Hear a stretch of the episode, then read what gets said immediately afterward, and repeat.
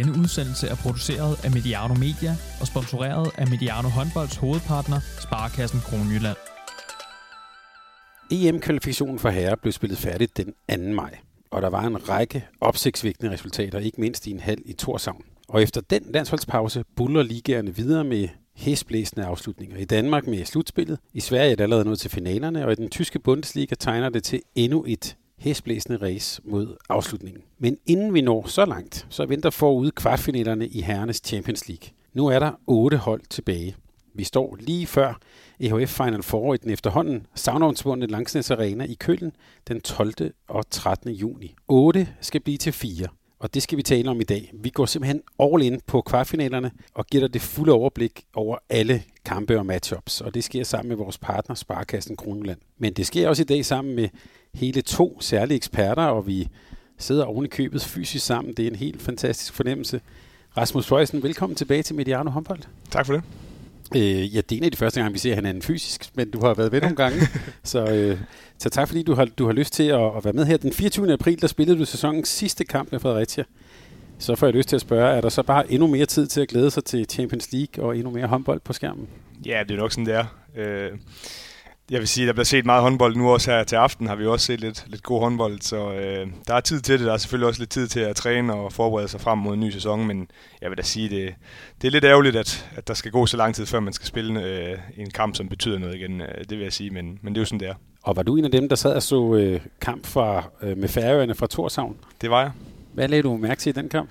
Jamen, nu så jeg faktisk begge kampe, de spillede. Øh, jeg vil sige, øh, jeg lagde mærke til, at det var fedt med nogle tilskuere i hallen. Altså, det er noget, vi ikke rigtig har, har haft så meget af i, i den her øh, trælse tid.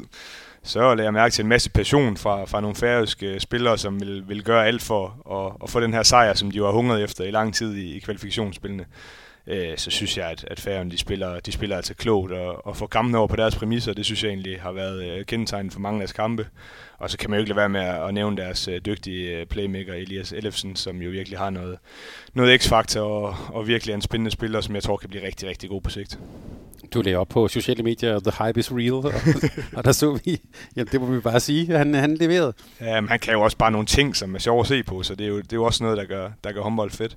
Så øh, ham glæder mig i hvert fald til at følge øh, endnu mere i, i fremtiden. Og man kan også sige, hvis man ser med på det svenske slutspil, der gør han det også for CV Hof, så, øh, yes. så øh, en, en spændende spiller. Øh, og når jeg spørger sådan, øh, Rasmus, så er det fordi, at vores anden gæst var i den grad også en del af det store resultat for Færøerne i Torshavn. Han, øh, ja, du vil afslutte din tid som landstræner i Færøerne og slå Tjekkiet hjemme 27-26. Sonny Larsen, velkommen tilbage til Mediano Håndbold vi tænkte, det her var, var et godt sted at starte.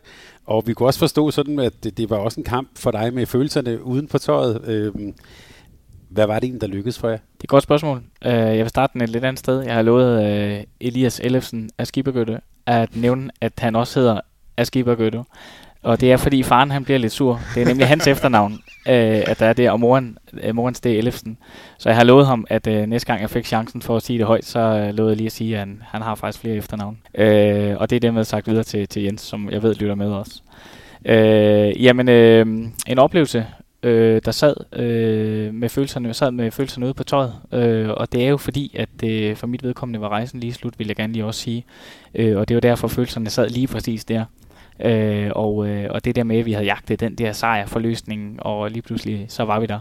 Det var klart meget øh, rørende i den øh, kontekst, at, at øh, jeg vidste, at min rejse sluttede der for færgerne, øh, og derfor øh, sad de der følelser øh, meget konkret, da vi skulle snakke i øh, opvarmningen øh, lige med et par enkelte spillere. Jamen, jeg kunne faktisk ikke rigtig sige noget. Jeg siger øh, øh, øh, græd og, og græd, og det havde jeg slet ikke regnet med, at den der følelse ville øh, komme øh, så meget bag på mig.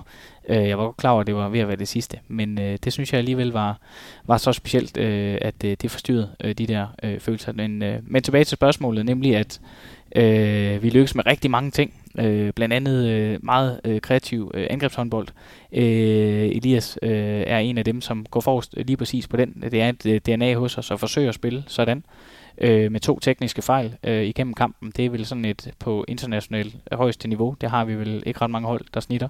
Øh, der er nogle få. Og der var vi henne øh, den aften der.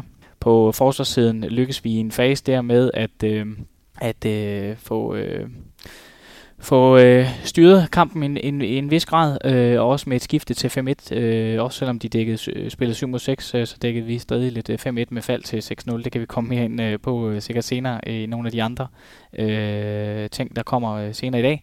Øh, så alt i alt så øh, var der rigtig mange af vores ting, som, øh, som lykkedes øh, i, øh, i kampen. Øh, og så øh, fik vi øh, også scoret på rigtig, rigtig mange af vores øh, chancer. Og øh, det betød, at kampen faktisk havde et ja, positivt øh, udfald resultatmæssigt øh, den her gang. Øh, lidt til forskel for de andre, som jo har været gode på performance øh, langt hen ad vejen. De manglede det sidste til, til resultatet. Og vi kan sige til Elias og hans far, jeg har også skrevet, øh, skrevet Elias Ellefsen her, det er, bare, det er bare fordi, det er nemt jo.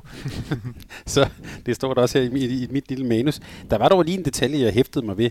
Det var, at der var jo hele ni målscorer, har jeg talt op. Hvad er det egentlig for et hold, du så efterlader her? Det er jo, det, det bør man sige, det er et bredt hold. Ja, det er jeg fuldstændig enig med dig i, og, og det er med streg under hold. Øh, færne ved, at øh, vi skal spille øh, kollektivt godt funderet øh, spil øh, på vores præmisser, øh, hvis vi kan det. Og øh, det lykkes vi med i langt højere grad, end vi gjorde for fire år siden, hvor vi øh, tabte sådan nogle kampe her med 10 eller 12 øh, og øh, mod en topseedet nation som Tjekkiet. Så, øh, så var det egentlig sådan en, en god kollektiv indsats. Øh, jeg ved godt, det er en lidt en kliché, men det er jo sandheden øh, i, den her, øh, i den her kontekst. Og bare til sidst her, hvordan fester man efter sådan en kamp i, i Torshavn? Ja, det er et godt spørgsmål. Øh, vi, øh, det kedelige er jo, at vi gik øh, i seng efter at have fået en enkelt eller to, og så var det jo ligesom øh, den dag. Så tog vi så revanche, da vi har spillet den sidste kamp mod øh, Rusland der. Så. Godt. Ja, det, jeg tænkte også, det, det, det, det krævede det nok også. Ja, det blev vi nødt til. Vi ville gerne have vundet den sidste. Godt, så lad os lige, vi efterlader lige øh, øh, Torshavn her, men det var helt naturligt lige at, at, høre, at, at høre fra en af hovedpersonerne.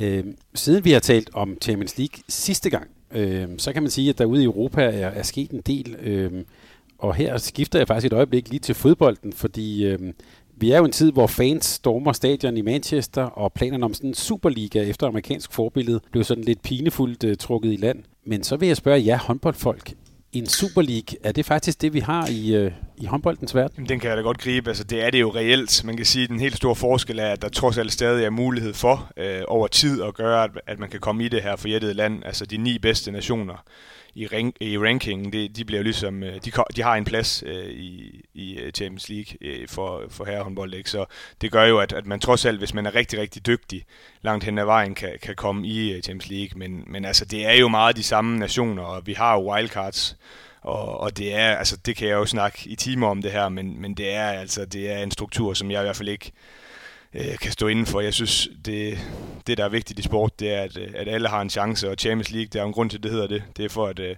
at mesterholdene rundt omkring i Europa har en mulighed for at komme med.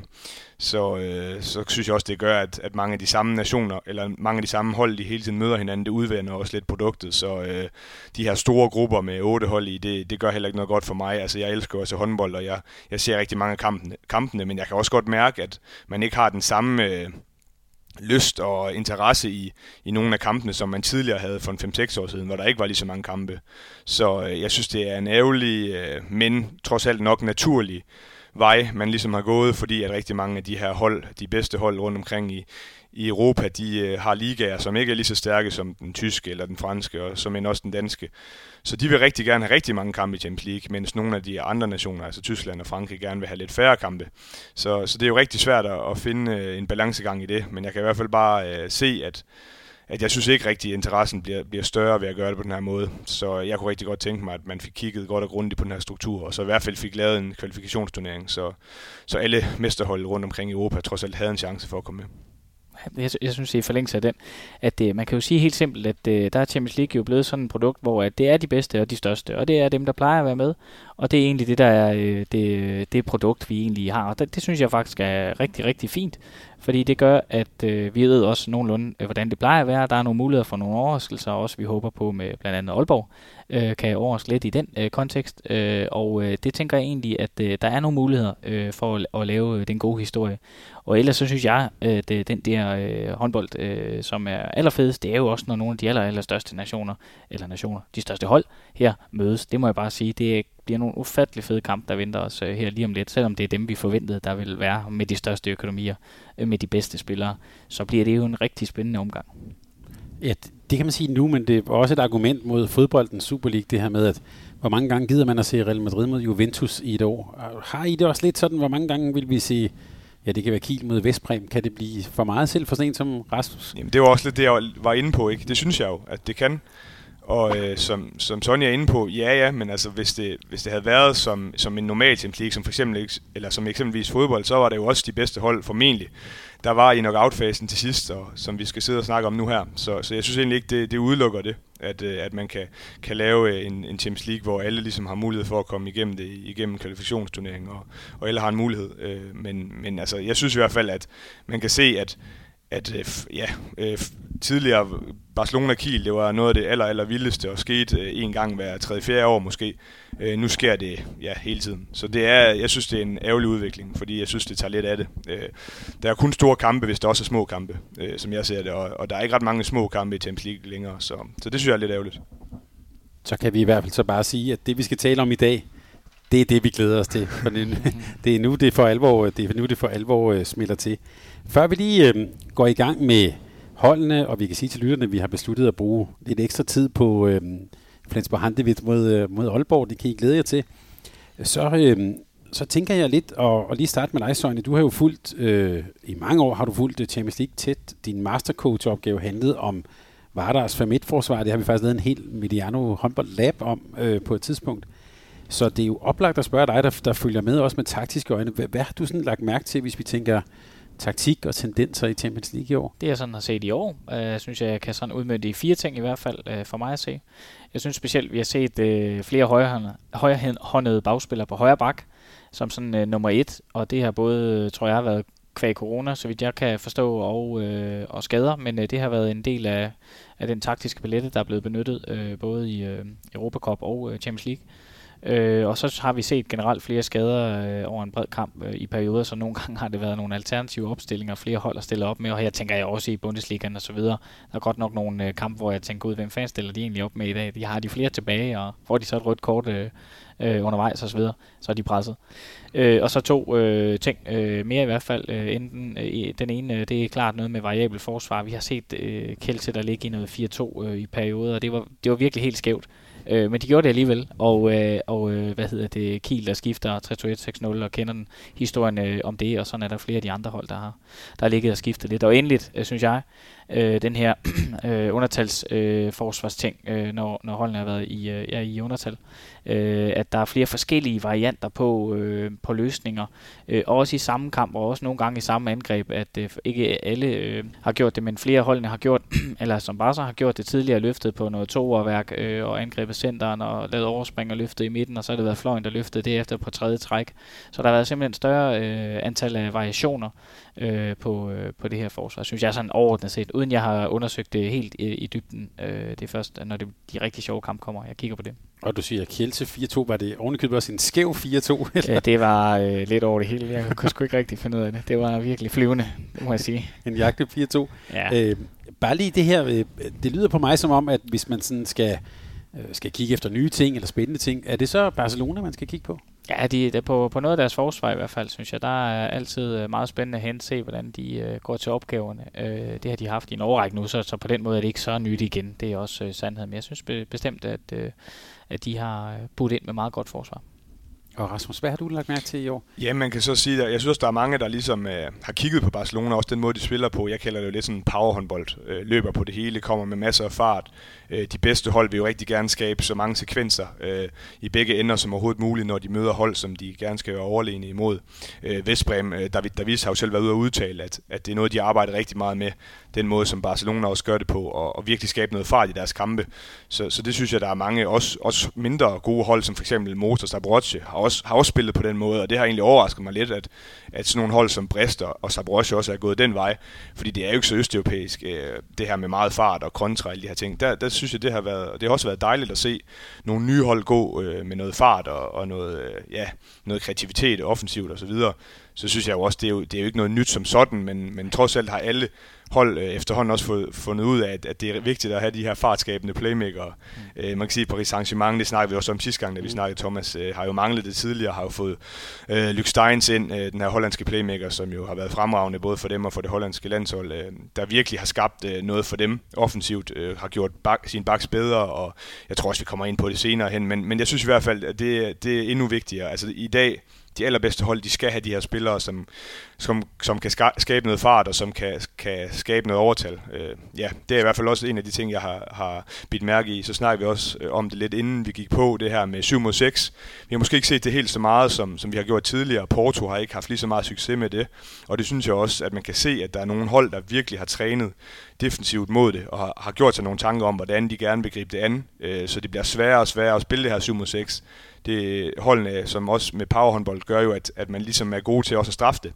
Så det synes jeg jo egentlig bare er dejligt, at, at vi ikke ser så meget af det. Øh, og så synes jeg, at, at nogle af holdene, eksempelvis Flensborg, som jo har været fremragende i Champions League i den her sæson, øh, har taget det her med, som man også ser på landsholdene med Sverige og Norge, som har rigtig mange tovejsspillere. Altså der bliver virkelig satset på at kunne løbe stærkt fremad, og så, kan det, så er det ikke sikkert, at det gør så meget, øh, at man ikke har de her allerbedste forsvarsspillere inden, men man kan godt spille med en øh, Jørgen øh, Johannesson eksempelvis, eller en Lukas Sandel, fordi det giver noget fart offensivt. Ja, og øh, defensivt også returløbet, ja, ja. fordi de ikke skal skifte ud den anden vej, så de bliver ikke straffet for de fejl, de eventuelt Præcis. måtte begå. Så og vi så jo ved VM, vigtigt. Uh, vi så jo ved VM, hvor vigtigt det her er. Det var jo det for alvor, Glenn Solberg uh, øh, fik, fik held med at gøre de her valg med Sverige, hvor man simpelthen gik ind og så på, okay, Andreas Nilsson, han er måske en af verdens, eller han er en af verdens bedste offensive stregspillere, men vi kan ikke bruge ham, fordi han passer ikke til vores system. Vi har brug for spillere, som kan være med i begge ender, og det tror jeg også er, er noget, vi ind, vil se endnu mere fremadrettet. Altså, jeg tror virkelig på, at det, det er noget, der vil vinde, vinde indpas. Selvfølgelig vil, jeg tror jeg fortsat, der vil være de her forsvarsstrateger, men jeg tror stadig, der vil være nogle hold,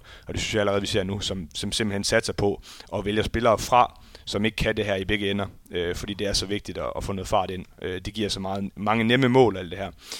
Øh, så det er egentlig de ting, jeg ligesom har, har skrevet på bloggen, øh, som jeg synes har været, ikke, ikke alt sammen helt nyt, men i hvert fald har, at der har været endnu mere fokus på øh, i den her sæson i, i Champions League. Ja, man kunne nærmest bare kalde det overskrifter for året, ikke? Ja, altså, ja, helt enig. Ja, ja. Begrebet powerhåndbold, køber du den, Tony? Ja, det kunne man da godt. Der er, der er power, øh, når de først rykker, så rykker de, og det gælder i begge ender øh, af banen og fremad og tilbage. Det må man sige.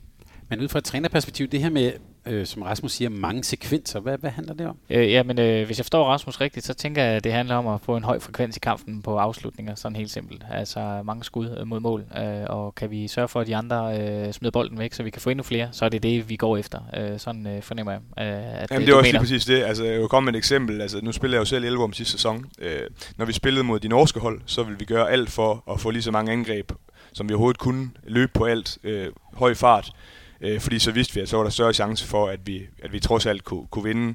Omvendt, når vi mødte nogle af de bedste hold i Champions League, så var det lige omvendt. Så ville vi gerne prøve at trække tempoet lidt ud, og altså prøve, eksempelvis når man møder Barcelona, ikke og, ikke hele tiden at, at spille hurtigt og prøve at frustrere dem lidt i forhold til, at de jo så gerne vil holde farten over på det her pace og pace og pace. Hvis man kan ødelægge det lidt, så, så hjælper det jo.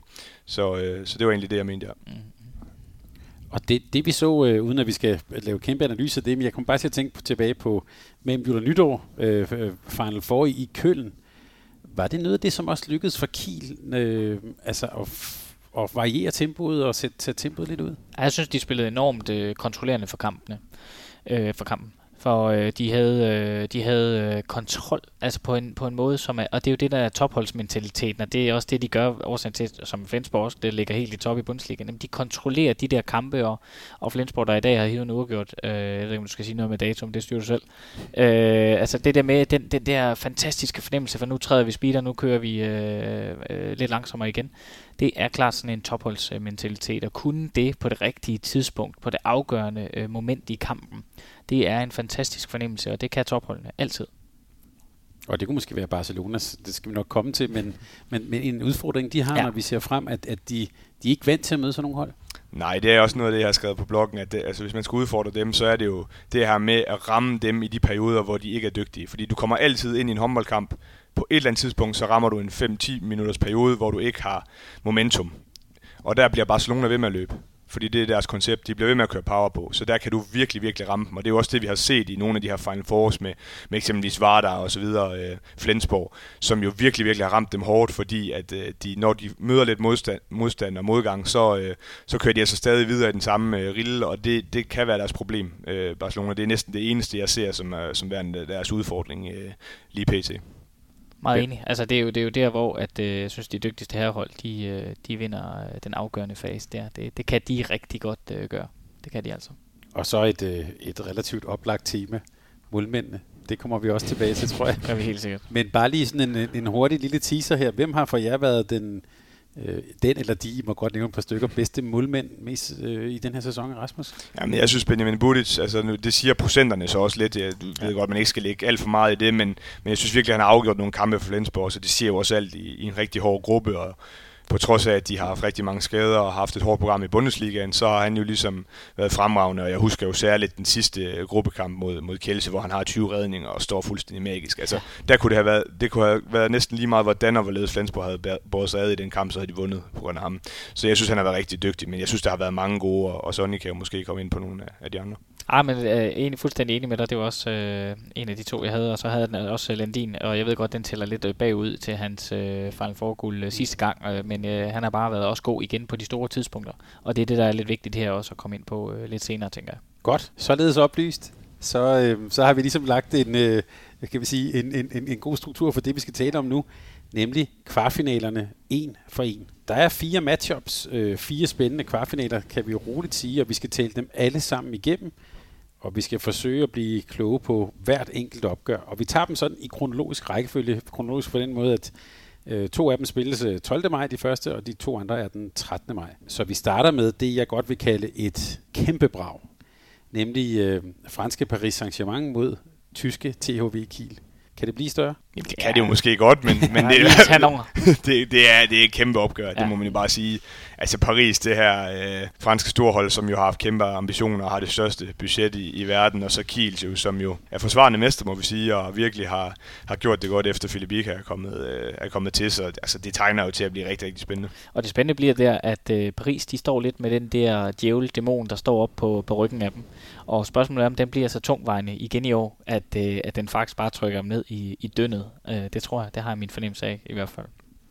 Så den skal du lige, skal du lige have lov at uddybe, altså at, det, at vi kan tale nok så meget om Mikkel Budlandin og, og alle mulige spillemæssige ting, men du tænker, at den der mentale, det at de ikke er lykkedes, så det... Nej, nej, faktisk ikke. Mm. Øh, men jeg tror bare, at øh, det er jo den der historie, der ligger i det. Det er jo den narrativ, der egentlig er lige foran øh, fødderne på os, at, øh, at den, den ligger lige her, og, og Ulmer, den vokser, den djævel, den får bare mere og mere ild, øh, også når man ser dem spille nogle kampe, hvor at, at de smider flere bold væk, end de næsten øh, scorer, ikke også? Altså overdrevet selvfølgelig. Øh, og øh, nej, jeg tror faktisk øh, konkret på tyskerne, fordi at de spiller mere sammenhængende. De spiller dygtigst, øh, og så har de de øh, store redninger, øh, som jeg lige var inde på øh, før.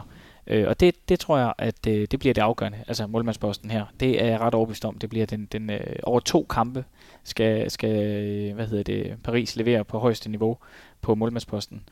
Der tror jeg, de andre er dygtigere.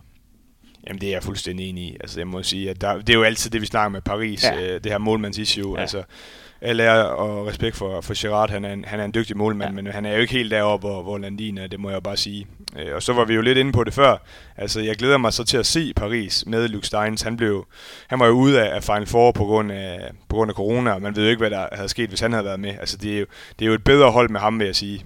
Øh, så, øh, så det Klart. bliver lidt spændende at se. Helt klart, jeg er fuldstændig enig, at det bliver da et bedre hold og en bedre kamp. Øh, det skal nok blive en fin kamp og en forholdsvis lige kamp, det er jeg også overbevist om. Øh, og, og han har løftet spillet. Øh, men de har lige en palette mere at spille på, øh, hvad hedder det, tyskerne, synes jeg. Mm. Også defensivt, ikke mindst ja. med både 3 og 6-0, hvor, hvor de kan variere. Det kan altså trykke ufattelig meget.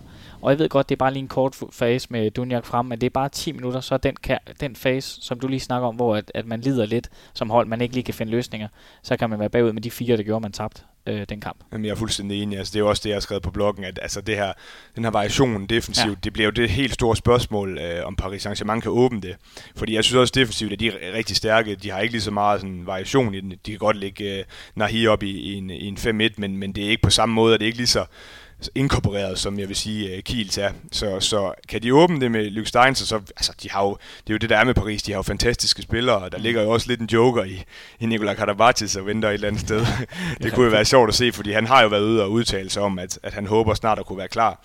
Uh, jeg, jeg er ikke sikker på, at det, vil, at det vil gavne dem så meget, men det kunne bare være meget fedt at se en af, eller den største spiller i historien komme, mm. komme ind i sådan en kamp. Uh, det kunne være, også være sjovt Det kunne klæde opgøret fantastisk godt, det er fuldstændig enig med dig, og så spændt på at se, hvor langt han er kommet i det der, om han kan bringe det, den tyngde og kvalitet, der skal til. Jeg er i tvivl, øh, og det er fordi, de, de defensivt er så, så dygtige, øh, hvad hedder det, Kiel-spillerne, som mm. de er, og med de momenter, de har. Mm. Øh, ingen tvivl om, at PSG også har klassespillere, men det har de andre også øh, defensivt, øh, og den der tradition igennem flere, ja 10 år måske, mm. med sammen med, med Gislason først, og så videre med Iga her, mm. med 3-2-1 også, og øh, 6-0, øh, og næsten mange af de samme folk i en lang årrække. Altså, de kan det de mm. kan det der. Ja. Og så er det jo lidt et paradoks, at vi sidder og kan kigge på statistikken og så sige, at Kiel kun har vundet én gang øh, i de seneste syv opgør mod Paris. Altså Paris har jo faktisk haft godt styr på dem. Øh, men øh, men ja, man sidder jo stadig med den fornemmelse, også efter at, at Kiel ligesom fik den her forløsning mellem øh, jul og nytår, at, at det er dem, der har overhånden. Og man kan også sige, at Øh, det er jo meget fint for, for Kiel at kunne kigge på, at de ligesom har nubbet Sargussen fra, øh, fra Paris. Altså det må også give en eller anden tro på tingene, trods alt. Så, så jeg synes, der er meget, der, der peger hen af øh, mod, øh, mod, at det bliver ligesom Kiel, som, som er favoritter i hvert fald. Øh, altså de, havde det jo også, de mødte jo også en, en fremragende modstander i, øh, i øh, 8. mod Sækket, men det gik jo også rigtig fint for dem. Så øh, altså, jeg, synes, jeg, synes, de, jeg synes, de ser stærke ud, og, og jeg, øh, jeg, jeg tror mest på dem, det må jeg så sige. Ja, jeg er meget enig. En detalje blandt mange. Øh, sådan en, en spiller som Lyk Steins, hvordan står han over for det midterforsvar, han kommer til at møde i, øh, i Kiel? Ja, men det, øh, jeg tror sådan set, at han øh, kan udfordre dem rigtig fint. Det, det, er, det, det er helt overbevist om. Men de er jo vant til at møde dem. De er jo vant til at møde den her type med, med Jim Godfredsen øh, over hos Flensborg. Så det, det er ikke øh, helt øh, på den måde øh, en øh, udfordring for Kiel. Så ligger de 3-2 i den næste fase, så, så løser de det. Og så går de ned igen, og så er vi der. Øh, altså, det, nu siger vi fordi at jeg holder selvfølgelig med Kiel, det vil jeg være sige. Så det bliver nødt til at få frem her. Øh, det kan jeg, jeg godt mærke. Vi skal være ærlige over Ja, det. det synes jeg faktisk, det kunne godt, det kunne jeg godt høre komme frem der. Øh, ingen hemmelighed, så jeg tror faktisk, det er ikke, øh, det er ikke noget øh, problem på den måde. Altså, han står fint til dem, som de andre, alle de andre hold. Det er de vant til. Rasmus, skal vi lave en disclaimer? Har du et yndlingshold ud over skjern selvfølgelig? Jamen, ja, det har jeg faktisk. Vestbrem, det ligger jeg heller ikke skjult på. Det har jeg, det har jeg holdt med i rigtig, rigtig lang tid, så øh, vi, har jo, vi har jo også svært ved at, at vinde de her afgørende kampe, så, men øh, det kommer vi måske tilbage til. Det kommer vi frygteligt tilbage til. Så bare lige en kliché, som helt sikkert vil blive malet op til det her med danske briller. Mikkel mod Landin. Altså, øh, øh, kåret af de bedste spillere i verden møder hinanden. Så bare lige klichéen. Hvem har overhånden i sådan, et, i, i sådan en duel? Godt spørgsmål. Uh, jeg tror, Landin har det, fordi deres hold vinder. Så. Jamen, jeg tror også, altså, jeg tror ikke, det bliver så vigtigt, hvem af de to, der har overhånden, øh, faktisk. Ikke på hinanden i hvert fald. Nej, lige præcis. Det bliver holdenes. Ja. ja. Øh, fordi jeg tror, at begge to kommer til at... Altså selvfølgelig er de rigtig, rigtig afgørende for sit hold, men der er jo ingen tvivl om, at, at målmandsposten, og det er jo i hvert fald i den grad en kliché i håndboldsporten, mm. det, er jo, det er jo bare vigtigt. Så, så jeg vil sige, at Landin har nok større chance for ligesom at, at blive kampafgørende, end Mikkel har det. Øh, ja. Hvordan, hvordan har du set Mikkel Hansens sæson for PSG? Det har været sådan lidt op og ned, synes jeg. Altså, man kan jo sige, at de er jo fuldstændig øh, suveræne i den, i den franske liga. Nu tabte de jo så godt nok øh, her mod Nantes øh, senest, øh, og det, det var i første hjem, hjemmenederlag i 45 kampe i den franske liga. Det er jo helt sindssygt. Men, men jeg synes, det har været sådan lidt op og ned. Jeg synes, han har været dygtig, men, men man, kan, man kan sige, det er jo sådan lidt inden og efter Lykstein, som jeg ser det. Altså inden var der problemer i forhold til det her stationære angrebsspil for, for Paris. Blev meget stillestående, som det har jo været de seneste par sæsoner. Øh, og efter synes jeg så, at han har set langt, langt bedre ud offensivt, øh, fordi han lige pludselig har en spiller, som kan skabe noget fart til ham, og, og det er jo også det, vi har set på det danske landshold, at, at han er bare bedre, når han har nogen omkring sig, som kan, kan skabe farten, fordi han, han jo oftest er bedre for det danske landshold, sådan ser jeg det i hvert fald, end, end han er i Paris. Men det har hjulpet at få en, en playmaker, som kan skabe noget fart til ham, øh, og som kan trække halvanden mand, og kan gøre, at han egentlig der hvor jeg synes, han er allerbedst, når han kan stige op på første skridt øh, og, og skyde raketten af. Så, så jeg synes, at det har, det har, været, det har været langt bedre efter Lykke Stein er kommet til. Så kan man så sige lidt mod, mod argumentet mod, at det lige præcis går øh, PSG's vej. Det er jo også det med, at øh, der har Kiel bare i øh, kontrafasen, altså på hurtig midte og første fase, øh, måske lidt anden fase, der har de bare været eminent skarp. Det må statistikken helt sikkert også øh, vise, når vi kigger lidt nærmere. Der er de bare lige en tand skarpere, end PSG er på tingene. Øh, og det bliver, det bliver helt kampafgørende, det er, det er overbevist om. Ja, det bliver, også, det bliver faktisk spændende at se, hvordan øh, Paris har tænkt sig ja, at, ja. at være sig ad der, og, og hvor meget de har, ligesom har tænkt sig at satse på den her anden fase. Mm. Det synes jeg, vi har set den gøre endnu mere øh, med, med Steins. Altså han kommer ind med noget med helt vild fart, altså lidt mm. sådan Chema rodriguez mm. for dem, der som kan huske ham i, i Vestbrem, da han var allerbedst. Øh, og det, det tror jeg, de med fordel kan prøve at, og, og ligesom fremelske i hvert fald i, i dele af, eller i perioder af kampene, øh, fordi at de får det svært øh, 6 mod 6 mod, mm. øh, mod øh, Kiels fremragende forsvar. Mm. Ja, jeg tror også i perioder, fordi jeg er fuldstændig enig. Det, det bliver på virkelig på en knivsæk. Mm. De skærer den der, for ellers så får de bolden lige tilbage i ansigtet. Og det er, der har de virkelig været gode kilderne. Det er noget af det, som I ikke har bragt ind, for jeg der er fulgt med helt fra start. Ikke? At I ikke har bragt virkelig det omstillingsspil ind fra dag 1, mm. øh, som var markant skarpere, end vi har set Kiel være på tidligere. Ja, lad os lige sætte på på de to trænere. Jeg ved jo, du har jo fuldt PSG's træner tæt. Det er rigtigt. Hvordan har han påvirket det her PSG-hold? Jamen øh, positivt, øh, synes jeg i hvert fald, øh, på, øh, på sammenhængen i, øh, i forsvarsspillet. Øh, jeg synes, det har fået en, øh, en anden øh, dynamik, øh, langt mere proaktivt og arbejdende, øh, mere bevidst, og så har vi måske i godsøjen. Øh, Vincent Gerard har manglet lidt, målmandsposten har manglet lidt, så man har stadig ikke helt fået den helt store forløsning, men klart forsvarsspillet har forandret sig helt, øh, helt klart. Og så har de så øh, med Luke Steins fået den endelige øh, den øh, spilstyre, de har manglet, temposætter, som de har manglet. Øh, ikke spilstyre, for det har de haft hele tiden i Karabatic, men, men øh, temposætter. Øh, og, øh, og det er en positiv signing. Øh, og så... Øh, Christoph Pan skulle så også med over fra, øh, fra tidligere, ikke også? Så og meget positivt. Han er en øh, fantastisk dygtig en. Og Philip Ika i Kiel, hvad, hvad har han gjort?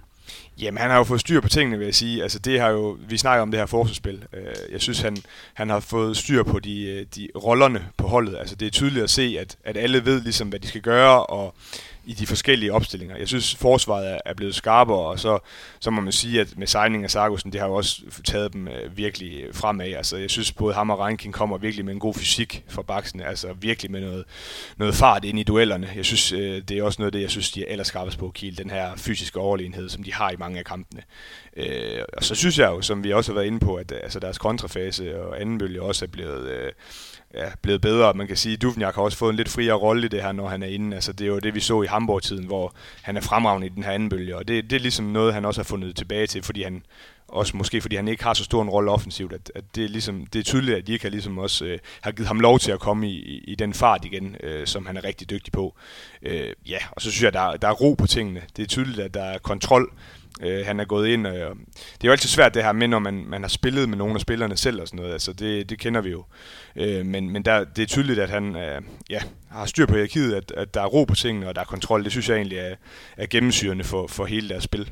Fuldstændig enig, fuldstændig enig. At den der, den der klare tydelighed omkring, hvad skal der øh, leveres nu i den næste fase for spilleren, det synes jeg også har været meget øh, fuldstændig enig, øh, faktisk. Og Dunja fået mere overskud. Mm. Så kom jeg til at tænke på, ikke, at øh, fysisk han er ikke lige så presset. Han har overskud til at være god. Det hvor han faktisk er rigtig, rigtig god forsvar, løb kontra, kig, kig, kig, og lidt angreb i fasen. Ja, ikke? ja, lige nok. Ja. Han ser jo altid lidt træt ud, men... Øh, ja, ja, men, op, men sådan øh, kvalitetsmæssigt øh, været skarpere, end han måske nogensinde har været, eller ikke nogensinde, men i hvert fald, han har været i lang tid. Og se ham dække dæk frem der, det, det synes jeg er helt tv-billetten. Ja, det også. Ja. Så vi har en lille smule, jeg hører jer sige, en, øh, I har begge to kil som som favoritter? Ja, både i hjertet og i hovedet. Så. ja, det er kun i hovedet for mig. Men. det er godt. Jeg synes, vi skal være ærlige her. Godt, jamen så lad, os, øh, så lad os krydse den af og gå videre til den, anden, til den næste kamp, der også bliver spillet øh, den 12. maj. Det er øh, spanske katalanske Barcelona mod Meskov Brest. Sidste gang kaldte vi jo øh, Meskov, det var det er vores hipsterhold, Rasmus. så, øh, så, giv mig lige, øh, så giv mig lige en eller to grunde til, at Meskov Brest, at vi også ser dem i køllen. Uha, det er svært at finde dem, synes du ikke det? Altså man kan jo sige, der er, der er en grund, der er en hjemmebanefordel, kan man sige, med nogle, med nogle tilskuere. Jeg ved godt, Barca også har fået lov til at få lidt tilskuere i hallen, men øh, der er trods alt, ikke, trods alt ikke den store stemning dernede. Altså der kan man sige, det, der er der måske en hjemmebanefordel, som jeg også synes, at de fik, ligesom øh, tilskuerne fik ført dem frem mod, mod, øh, mod motor, der virkelig gjorde, at de havde en periode i starten af kampen, hvor de bare kørte motor over. Altså.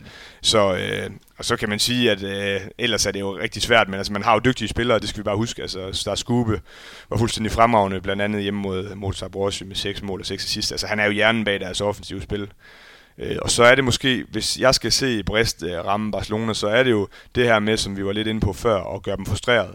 Altså trække tempoet ud i nogle øh, i dele af kampene, og altså få dem til at blive øh, ja, overivrige, øh, og så udnytte de her dårlige perioder, som der vil komme for Barcelona, hvor de stadig vil, altså hvor de fortsat vil køre på Barcelona og prøve at skabe fart og, og prøve at lave de her 40 plus mål, som de jo er garante for. Øh, hvis de ligesom i de dårlige perioder for Barca kan, kan være skarpe der, øh, så, så har de selvfølgelig en chance, men, men med Skrinskis, deres øh, russiske playmakers, eller Vensterbaks øh, korsbåndsskade, altså, så, så ser det også rigtig, rigtig svært ud for, øh, for Brest, det synes jeg. Ja, der er ikke mange chancer. Det, sådan ser jeg det heller ikke. Øh, meget simpelt. Så lad mig lige bare kort bringe danskervinklen ind, før vi begynder at tage det om Barcelona. Kasper Mortensen er tilbage. For, tror jeg, han får en rolle her i, øh, i, sådan i, i slutningen af sæsonen? Ja, han skal nok øh, arbejde sig ind i øh, tingene stille og roligt. Om hvor stor den bliver, det ved jeg ikke. Og spiller man nu dobbeltkamp øh, der øh, til Final Four, det gør man jo altså både lørdag og søndag, så kunne der være nogle muligheder. Øh, så ja, tror jeg. Men hvordan jeg, jeg er ret sikker på, at han får en kæmpe rolle, også fordi Ardinho er ude med, med korsbånd. Mm. Så, så altså, som jeg ser det, så skal han bare direkte ind, og, og, og det er selvfølgelig også uh, lidt farligt, kan man sige. Uh, jeg håber selvfølgelig, at han er 100% klar. Det, det er jeg overbevist om, at der, der er blevet genoptrænet rigtig godt, uh, men vi har jo set, at man kan få et tilbagefald efter de her alvorlige skader, så det håber vi selvfølgelig ikke. Men omvendt fedt for ham. Altså, han, uh, han har jo kontraktudløb og skal, skal ud og bevise sig og, og gøre det godt, så uh, altså, han er jo en fremragende spiller, og har jo, jeg synes, han passer rigtig godt ind i Barcelona på mange måder. Altså, de komplementerer hinanden godt. Arinho, rigtig dygtig forsvarsspiller og meget sikker øh, angrebsspiller. Øh, Kasper U, en, af, en virkelig, virkelig hurtig spiller, som virkelig har det her at gå på mod og, og noget karisma. Og sådan, så, løber strategisk godt, ikke? og så powerhåndbolden ja. bliver udtrykt også ja, igennem ham, helt klart. Det passer ja, strategisk rigtig, rigtig fint en mm. signing der, og er en erfaren spiller efterhånden jo, det kan ja, ja. man også sige, så, så han må uværligt få en uh, rolle der. Hvordan griber Barcelona egentlig det her med fløjene an? Hvordan øh, med at skifte ud og sådan, hvordan har de grebet det an i sæsonen? Ja, men det, det har jo været på skift jo, øh, mm. næsten ikke. Altså, de har skiftet, og det gælder bagspillere, det gælder strege, og alle spillere nærmest på minut der. Øh, det har virket sådan øh, for dem i, i en overrække der, øh, som en del af konceptet. Og det her i, der kan både kan ligge nogle styrker, men også nogle udfordringer for dem øh, i forhold til det flow, der nu engang øh, opstår i en fase. Altså hvis øh, de kan med gå ind i sådan en fase, hvor han spiller, øh, hvad kan man sige, øh, lidt ungdomligt, tror jeg vil sige, lidt frisk, lidt ivrigt til, øh, så kan der godt blive lidt problemer. Øh, ikke øh, nødvendigvis sådan en hel kamp mod Brest, det, det er bare så simpelthen for god til, men, men, øh, men sådan i det senere forløb, så har synes jeg tidligere, vi har set, at øh, så er det gået øh, vældig stærkt øh, for Barcelona, så har man faktisk mistet det moment, man havde. Husker de, øh, ja, smed boldene væk, og de var foran med plus mange her, øh, øh, ja, for ganske nylig, synes jeg nærmest, at øh, ja, så mistede de faktisk kampen. Er det, Undskyld. Ja. Jamen, jeg, jeg synes måske, at trods alt, de har været lidt smallere spillende i den her sæson end tidligere, vil jeg så sige. Fordi altså, vi kan jo sige, at Kasper U har været ude hele sæsonen. Arlinho har stået meget alene på den venstre fløj. Og, og over i den anden side må man jo sige, at Gomes har været fremragende, og der har man også Blasians, men han har altså spillet sådan en del, sådan halve-halve, som jeg kalder det. Altså både på, på fløjen og, og på bakken, fordi Dulnitz ikke for alvor har en rolle længere, og, og de kan spiller jo mest. Øh, og, og altså ude i bagkæden, så er det jo trods alt øh, Sindrich og, og Palmerson, der har billetterne, også fordi Ngisan har været sådan lidt on off, har været fremragende spiller, når han har været klar, men, men jeg synes, altså, hierarkiet er rimelig fast, og de spiller lidt smallere end tidligere, og det synes jeg også, som Sonja lidt ind på, at det, det klæder dem faktisk meget godt, at, at det ikke bliver for meget skiften rundt, altså 15 minutter her, og så 15 minutter til, til næste kæde. Altså, de, når det skal afgøres, så ved man godt, hvem det er, der skal spille. Så, så det synes jeg egentlig har klædt dem. Jeg, jeg ved ikke, jeg har en oplevelse af for tidligere år, at, øh, at der skifter de, uanset hvordan der vil så kommer en gesang ind igen, selvom han ikke har spillet en fantastisk sæson. Så jeg har faktisk forventning om, at de stadigvæk holder fast i at skifte, selvom hierarkiet øh, ligger rimelig fast. Så, jeg, så synes jeg, vi har set for tidligere, at de har skiftet. Øh, og de skifter også stadig. Jeg synes bare, at der har, altså, det er måske også øh, kvæg, at de her skader har været der, at de har været lidt nødsaget ja, der til været nogle straight. Ja, lige præcis. Ja, det er men, men lad os se, øh, når de formentlig kommer i Final Four, hvordan der var fordi at det er jo også det, vi har snakket om tidligere. Altså, de har jo haft nogle, nogle grimme oplevelser i Final Four tidligere, øh, hvor at man ligesom har begyndt at, at kædeudskifte efter man ja, var stort ja, foran ja. i nogle af kampene, og ja. det har så bare givet bagslag. Så, ja, det må man sige. så der, der synes jeg altid, det er lidt spændende at se, hvordan de vil gribe det an. Jeg håber, og der, de har lært noget. Jeg er fuldstændig enig. Ja, der, Hvis jeg altså, var Barcelona, der, der, der, må jeg sige, der sidder jeg, ja, jeg sidder med en fornemmelse af, at der kommer de til at spille en del smallere og spille med de spillere, øh, som de ved har haft den største øh, ja, rolle på holdet og, har, og er bedst. Altså de, de kommer til at gøre det lidt mere straight den her gang, end, end at begynde at skifte alt for meget ud. Og man kan jo godt forstå, at de gerne vil skifte ud, når, når man har den her struktur, hvor man spiller to kampe, to kampe på 24 timer, og de to kamp, vigtigste kampe i sæsonen.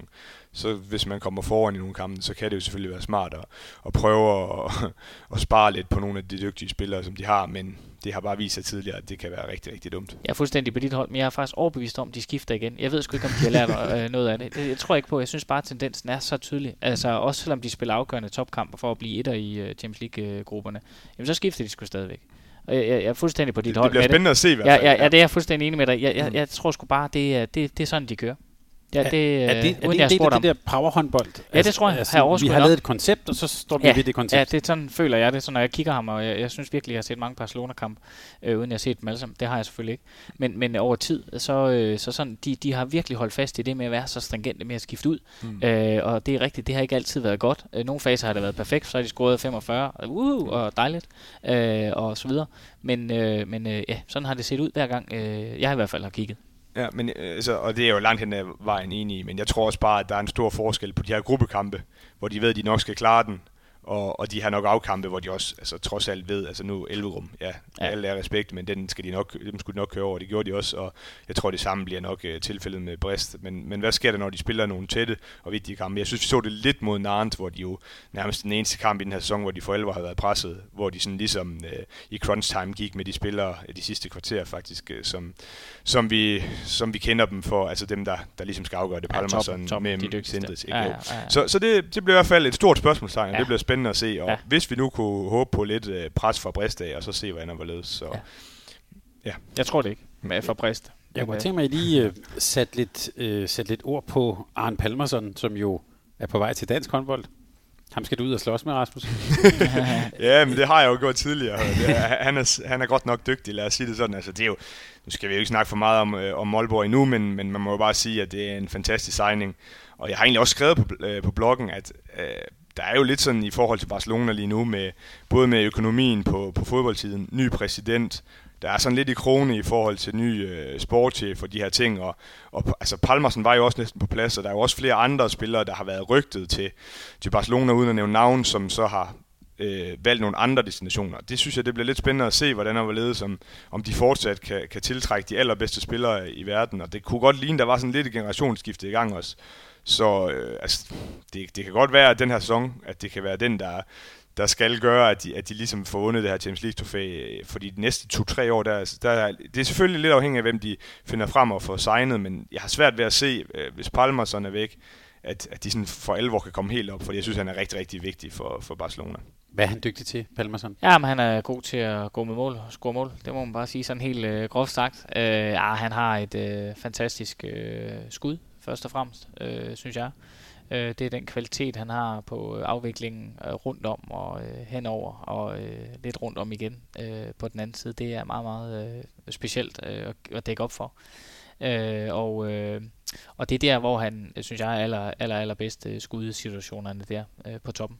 Man kan sige, Palmerson og Mikkel Hansen, det er måske de to vildeste arme i håndboldhistorien, der skal ja. spille sammen. Ja. Ja. Jeg synes jo også, det, det, som jeg også rigtig godt kan lide ved Palmerson, det er de her store spillere, når, i de store kampe, og når det for alvor brænder på, så ved man godt, hvem det er, der skal afgøre det. Og der synes jeg, at han er eminent, altså i den her crunch time, som vi altid snakker om, at, at der har han bare afgjort rigtig, rigtig mange kampe, og der er han bare iskold. Så der synes, det synes jeg også er en af hans spidskvaliteter. Ja, det må man sige. Fuldstændig. Ja. Han er bedst, når det gælder. Ja, det er præcis. fantastisk. Jeg tænker også bare lige til sidst, en, en spiller som Lukas Sindrich, øh, som jo var øh, lidt en vidighed sammen med det kroatiske hold i, her i januar. Hvad kan vi forvente os af ham? Ja, han bliver god. Altså, han, bliver, han er fantastisk dygtig i 2 mod 2 spillet der, øh, og det, det tempo, der kan ligge derefter, det er, jeg forventer mig rigtig meget af ham i den øh, sammenhæng, vi skal se nu her øh, indtil så længe, at, øh, at det bliver rigtig skarpt, det tror jeg. Så Rasmus, selvom vi gerne vil, øh, vi har noget med Brist og som, som mesterhold, eller som hipsterholdet her, så, så bliver det nok et pænt farvel til dem. Ja, det må man formode. Det, det tyder alt på. Ja. Godt. Jamen, så lad os øh, ikke sende bare så videre, men lad os trods alt glæde os til at se de, de kampe også. Og nu vender vi os så mod den, øh, den ene af de to kampe, der skal spilles den 13. maj. Og det er SG Flensborg Handevidt mod Aalborg håndbold. Nu startede med at spørge, om det kan blive større. Kan det blive større med sådan en, øh, den danske klaphat på? Er der er mange gode, øh, mange gode danskere med der, mm. øh, begge steder. Så på, på den måde, sådan, sådan et øh, opmærksomheds, så er det vel en drømmekamp, vi skal glæde os til der. Ja, øh, seværdighedsmæssigt, så må man sige, at det er for, øh, for de danske tilskuere en fantastisk øh, god en. Jamen, jeg er jo helt enig. Altså, det er jo, det bliver jo spændende at se det her med Aalborg, der virkelig er på vej frem. Men også Flensborg, der måske indtil videre har spillet sin bedste uh, Champions League-sæson nogensinde. Mest overliggende uh, sæson for dem. Så uh, men jeg synes, der ligger nogle muligheder for Aalborg. Det skal vi nok komme tilbage til. Men altså, fedt opgør. Altså dansk-tysk, og øh, jeg synes virkelig, at det, det her narrativ med, at Aalborg virkelig er på vej frem, og nu har muligheden for at komme ind for Jettet Land, deres første Champions League-kvartfinale nogensinde mod et Flensborg-hold, som jo, øh, som jo virkelig, er, er, altså virkelig har været gode, og jo nærmest ikke nu spillet uafgjort i dag. De har jo ikke tabt en kamp siden, siden i oktober måned 2020, så det er jo helt vildt, så, så godt de er kørende. Så det bliver rigtig spændende. Jeg, øh, som ikke er helt så indsat i håndbold som jeg, øh, jeg synes jo, at Flensborg Handevidt er skræmmende dygtige. Men jeg havde alligevel sådan, at da, da det så viste sig, at Aalborg skulle byde dem, så tænkte jeg, det er ikke helt umuligt. Enig i den fornemmelse. Der er muligheder for Aalborg. Øh, der er øh, måske en mulighed for, at det bliver afgjort inden for fem mål. Ikke? En 2-3-4 stykker den ene vej øh, kan lige pludselig gøre en hel del, øh, og så en hjemmebane, og så kører det. Nu talte vi lidt om trænerne tidligere.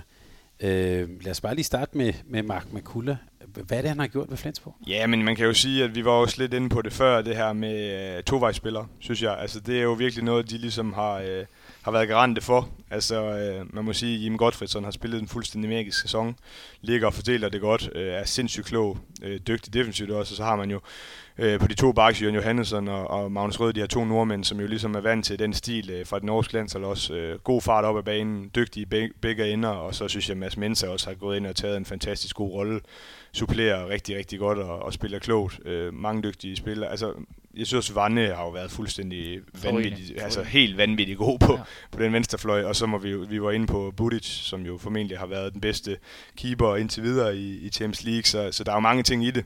Øh, og det gør det jo bare ekstra imponerende, at de har haft alle de her skader. Altså, de, de har virkelig spillet smalt, men, men, men det kører meget godt alligevel. Jeg synes, jeg er fuldstændig enig i præcis det sidste her, de har spillet smalt, men Mike McCullough har lige præcis fået det, det bedste ud af de spillere, han havde til rådighed. Og det er sådan den kort formulering af, mm. af, af det her. Altså de bedste, øh, det bedste ud af dem, det må man bare sige. Det er, det er sådan en topholdsmentalitet også, ikke? at de leverer knivskarpt, øh, ikke særlig mange fejl. Mm. Øh, og det, det gør altså, at de øh, styrer tempoet og vinder de kampe, der skal vindes. Og nogle gange øh, bare med en enkelt, og så er det bare sådan, det er. Også selvom de har været bagud. Øh, jeg synes, det er, det er rigtig, rigtig højt niveau. Og hvis man skulle sige lidt om, altså det, det bliver jo også det der med, at øh, du er inde på det med Varne her, at øh, det bliver jo en af de udfordringer, som øh, Aalborg står overfor. Kan de være skarpere end de fløjpar over på den anden side?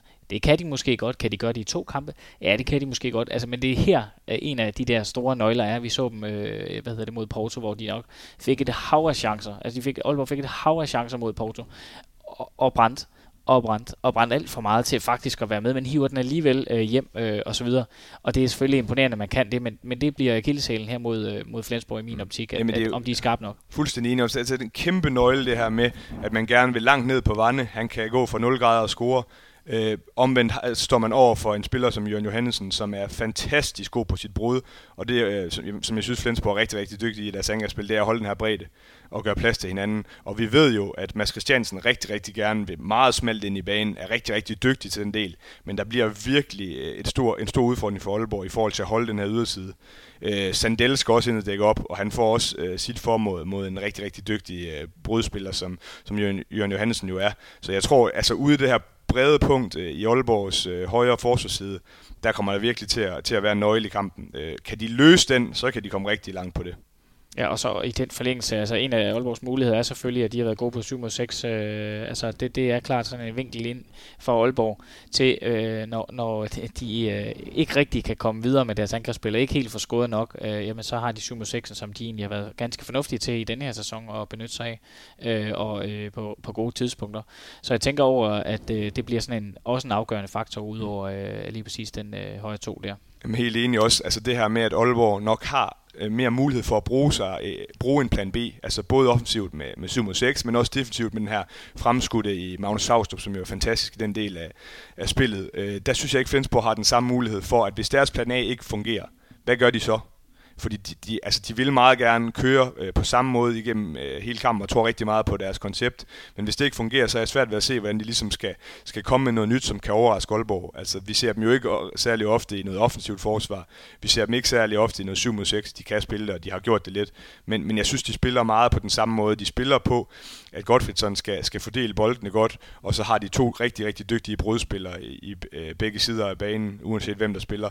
Øh, og det er jo det, de kører på. Og hvis Aalborg kan løse det, øh, altså, så er jeg virkelig, virkelig spændt på at se, hvad Flensborg så har tænkt sig at gøre. Mm, enig. Og der løste de det sidste der til slutrunden, hvis jeg husker rigtigt for Sverige her, at øh, Jim han øh, rykkede så lidt længere ud i banen, og så fandt de de løsninger ud fra det. Det var, synes jeg var trækket fra svenskerne, dengang mm. vi så dem mod Danmark øh, mod Savstrup frem. Så, så den der variabilitet, den tror jeg egentlig Flensborg, den skal de nok øh, komme omkring på deres egen måde. Øh, de har værktøjerne i, øh, i, i det, de har af, af, af dygtige spillere på, på kanterne, om man så må sige. Det lyder nærmest fodboldagtigt, det. Men, øh. er det en del, jeg kunne godt tænke mig, at I lige begge to satte lidt, lidt ord på det der med det brede spil for Flensborg. Er det en, er det en del af Jim Groffersons kongesæson, at, øh, at det er svært at stå kompakt omkring ham? Ja, det tror jeg er en del af svaret ude på, øh, på venstre side, men altså Rød er jo ikke på den måde lige så dygtig som øh, Jørgen Johannesson er øh, på, den, øh, på det brud der. Det er i hvert fald på det større område, ja. Ja, ja. enig, enig. Jamen altså, der er jo ingen tvivl om, at det er jo også det, han er dygtig til, øh, Jim. Altså, at altså, fordele bolden helt sindssygt. På, på, altså med timing øh, i hans afleveringsspil, øh, synes jeg er helt fantastisk, også med stregen. Øh, og så synes jeg, at det, der har været rigtig godt ved ham i den her sæson, øh, det er jo, at han er blevet mere farlig selv. Han går mere mod mål. Øh, hans stående skud sidder rigtig godt. Øh, tidligere har man måske set nogle hold være lidt mere passiv på ham, og så kan pakke lidt mere på, på de brudspillere, de har, men, men det kan du ikke rigtig længere. Han er fordi, gået på brudet også. Ja, lige nok. Altså, han, er, videre, han, han er blevet meget mere aggressiv i sit spil, meget ja. mere øh, øh, målsøgende, så, så det er jo også noget, der har klædt ham rigtig, rigtig godt, synes jeg. Jeg husker da et stående skud fra VM-finalen. Det er det, det, et af de flotteste, jeg har set længe. Ja. Ah, så defensivt er de øh, også godt kørende, altså Flensborg. Øh, Aalborg gør det også godt, super godt. Øh, jeg ved godt, de også har flere muligheder, men altså defensivt er med Butch øh, på, på kassen, så betyder det, altså igen den overvejende faktor, Gade har stået fint øh, og så videre, men, men øh, der er lige en, lige en lille top derovre. Mm. Så har jeg jo lyst til at også komme lidt ind på noget statistik i forhold til det her rutine. Det har vi slet ikke snakket om endnu. Altså, Flensborg har en langt større rutine, både på sit hold, øh, men også i forhold til at være en klub, som er vant til at stå i de her kampe. Øh, altså, i, i Champions League-kampe i snit, der har Flensborg 71 øh, på sit hold, altså på spillerne, og Aalborg har øh, til sammenligning 37. Altså, og Flensborg har seks spillere, der minimum har spillet 100 kampe, mens Aalborg har en. Øh, og det samme gør sig egentlig gældende i forhold til A-landskampe. Øh, så så man kan sige, at der er en, en stor forskel på rutinen, øh, og så kan det godt være, at Flensborg trods alt ikke har spillet nogen nok afkamp i den her sæson, fordi Zagreb jo ligesom ikke fik øh, den her mulighed for at spille kampen på grund af corona, øh, men de er bare vant til deres spillere at stå i de her kampe. Og jeg har fuld respekt for det, Aalborg har gjort, blandt andet ved at slå Flensborg begge gange i gruppespillet øh, sidste sæson, men også de store øh, sejre, de har fået den her sæson, blandt andet mod Vestbrem ude og, og mod Nantes, Men det er gruppen. Og så var det, det var fantastisk mod Porto, en tæt, øh, eller to tætte kampe, der kunne have gået hver sin vej. Men det, det er bare noget andet øh, i de her nok afkampe, især mod tyske hold. Altså, der er jo gigantisk forskel på normalt at møde et tysk hold i en gruppekamp og i en nok Øh, så, så det er jeg spændt på at se, om, om, om Aalborg virkelig kan, kan gå derop og Øh, altså i en, i en kvartfinal i Champions League øh, og, og slå et tysk hold ud, det vil være fuldstændig fantastisk, øh, og det vil være fantastisk for det projekt, de ligesom har, har gang i oppe i, i Nords Paris. Altså, det vil jo kun give endnu større boost. Og kæmpe respekt for den sæson, de faktisk har leveret ja. også. Men det er også det, de har leveret de foregående par sæsoner med mange af de samme spillere, skal man lige huske, hvor de også tager, tager guld hjem. At, at det har faktisk også været sådan en topholdsting. Altså meget erfaring, vinde på afgørende tidspunkt og vinde nogle tætte kampe mm. for Aalborgs vedkommende. Så, så de har mulighederne jo, jo, bestemt. I, i, i gruppen. Bestemt, bestemt. Altså, Eller kampen, mener Ja, altså, men det er jo også det, Flensborg er dygtige til. Så, så det, det, bliver, det bliver virkelig spændende at se, hvor, altså, det her issue med, at vi, altså, det er nok, det er nok afkamp, og det er ikke en gruppekamp. Altså, og det, det er virkelig, virkelig, virkelig en stor kamp. Øh, og det er jo bare, man sidder jo bare her og er så ærgerlig over, at, øh, at der ikke kan sidde i hvert fald 2.000 i Aalborg og se den her kamp. Altså, det, det vil virkelig have klædt den. Men øh, sådan skal det jo ikke være. Og jeg ved, du har mere statistik, det skal vi lige høre om lidt. Men jeg vil lige spørge ham der, Kiel, Kiel herovre. Ja. Øh, har, har vi nogle gange en tendens, nu hører vi jo om, om, om rutinerede spillere, topspillere, nogen der jo i øvrigt også ligger i toppen af Bundesligaen, og har vi en tendens til nogle gange, og jeg har sagt næsten at undervurdere Flensborg lidt? Ja, det kan sagtens være. Ej, øh, nu skal jeg sige, at jeg holder også med Flensborg, og øh, holder også lidt med Aalborg. Og Kan man det? Kan, man også godt, kan man sagtens.